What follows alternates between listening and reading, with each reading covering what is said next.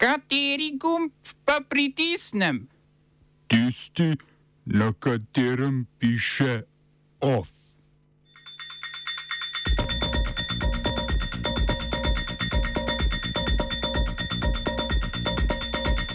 Salomonovi otoki do Huawei-vega mobilnega omrežja s kitajskim posojilom. Paragvajski podpredsednik Hugo Velasquez preklical odstop.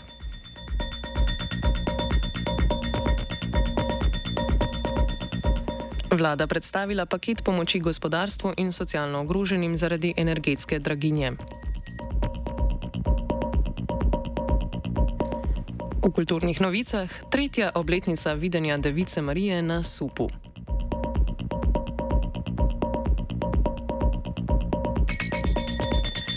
Salomonovi otoki se bodo za izgradnjo mobilnega komunikacijskega omrežja pri kitajski izvozno-uvozni banki zadolžili za skoraj 66 milijonov evrov z eno odstotno obrestno mero. Po dogovoru bo 161 Huawei-evih stolpov gradilo kitajsko podjetje za gradnjo pristanišč.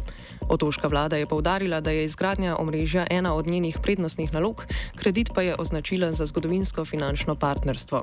Priprave na gradnjo potekajo že od leta 2019, ko so začeli z raziskavami izvedljivosti varnosti projekta, takrat pa sta državi tudi vzpostavili uradne diplomatske odnose. Aprila letos sta državi sklenili tudi dogovor o petletnem vojaškem sodelovanju, ki je vznemiril bližnjo Avstralijo.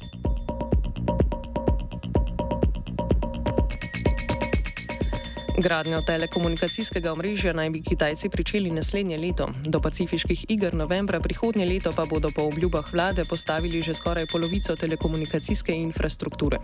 Premijer otočja Manase Sogavare je sicer parlamentu nedavno predlagal spremembo ustave in preložitev volitev, ki bi se prav tako morale zgoditi prihodnje leto. Meni namreč, da država nima dovolj sredstev za izvedbo pacifiških iger in volitev v istem letu.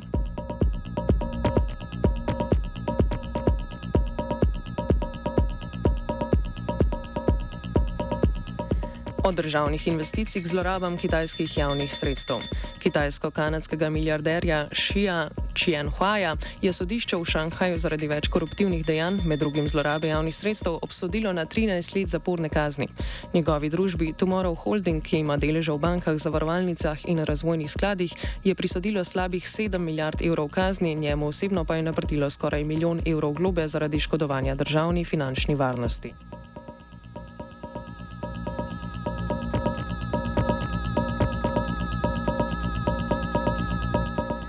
Perujski predsednik Pedro Castillo je notranjemu ministrstvu naložil pripravo nove migranske zakonodaje, ki daljša seznam razlogov za deportacijo tujcev iz države. Če bo zakon sprejet, bi bil lahko dovoljšen razlog že to, da osebe niso cepljene proti COVID-19, vozijo avto brez dovolj, vozniškega dovoljenja ali pa nimajo osebnega dokumenta. Med razlogi je tudi posedovanje drog in neregistriranega orožja. Sprejetje zakona bi najbolj prizadelo skoraj milijon in pol beguncev, ki so v Peru prebegnili iz Venezuele.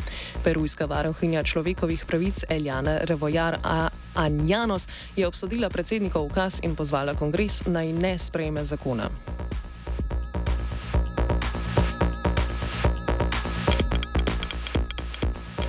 Paragvajski podpredsednik Hugo Velasquez je preklical napovedani odstop. Pred slabim tednom ga je napovedal, ker naj bi sumil, da proti njemu poteka korupcijska preiskava. Za preklic odstopa se je odločil potem, ko naj bi mu državno toživstvo potrdilo, da proti njemu ne vodi preiskave. Zaradi domnevne korupcije tudi ameriški zunani minister Anthony Blinken Velasquezov prepovedal vstop v Združene države Amerike.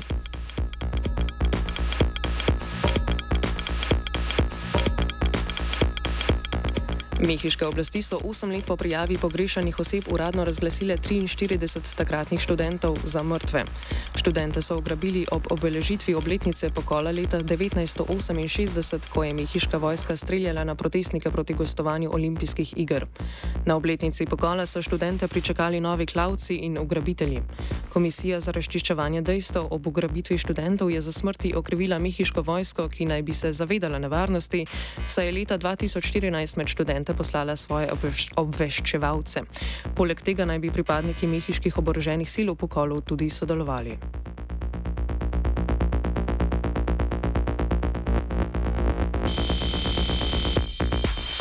V Črnogorski skupščini v Podgorici razpravljajo pred glasovanjem o nezaupnici predsedniku vlade Dritanu Abazoviču. Nezaupnico je predlagalo 36 poslancev Demokratske stranke socialistov, liberalne stranke, dveh strank socialdemokratov in Demokratske unije Albancev. Vladi namreč očitajo neizpolnjevanje predvolilnih obljub in koalicijske pogodbe v delu, ki se nanaša na evropsko integracijo.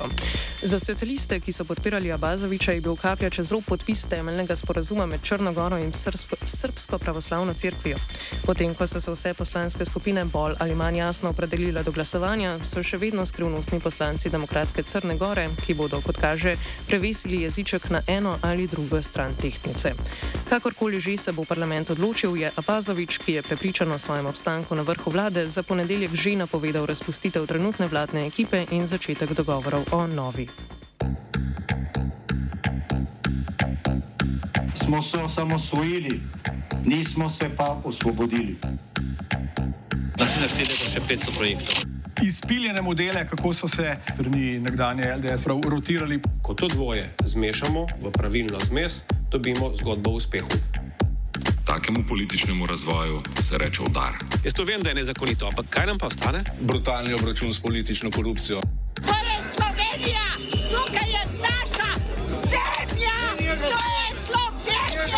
Slovenija, Slovenija. Vlada je na prvi seji po parlamentarnih počitnicah po nujnem postopku v parlamentarno odločanje poslala paket pomoči za socialno ogrožene. Do pomoči bodo upravičeni prijemniki denarne socialne pomoči in varstvenih dodatkov ter invalidi. Samske osebe, ki so socialno ogrožene in invalidi, bodo dobili 200 evrov dodatka, eno starševske družine prav tako, ter dodatnih 120 evrov za vsakega otroka. Družine bodo prejele dobrih 300 evrov in še 120 oziroma 60 za vsakega otroka. Vrednost celotnega svežnja pomoči je ocenjena na 41 milijonov evrov, od tega 27 milijonov letos in 14 milijonov v prihodnjem letu. Ministr za gospodarstvo Matjaš Han je, da ne bi zapostavil ubogih podjetnikov, napovedal pomoč tudi gospodarstvu, prav tako v obliki 40 milijonov težkega svežnja pomoči.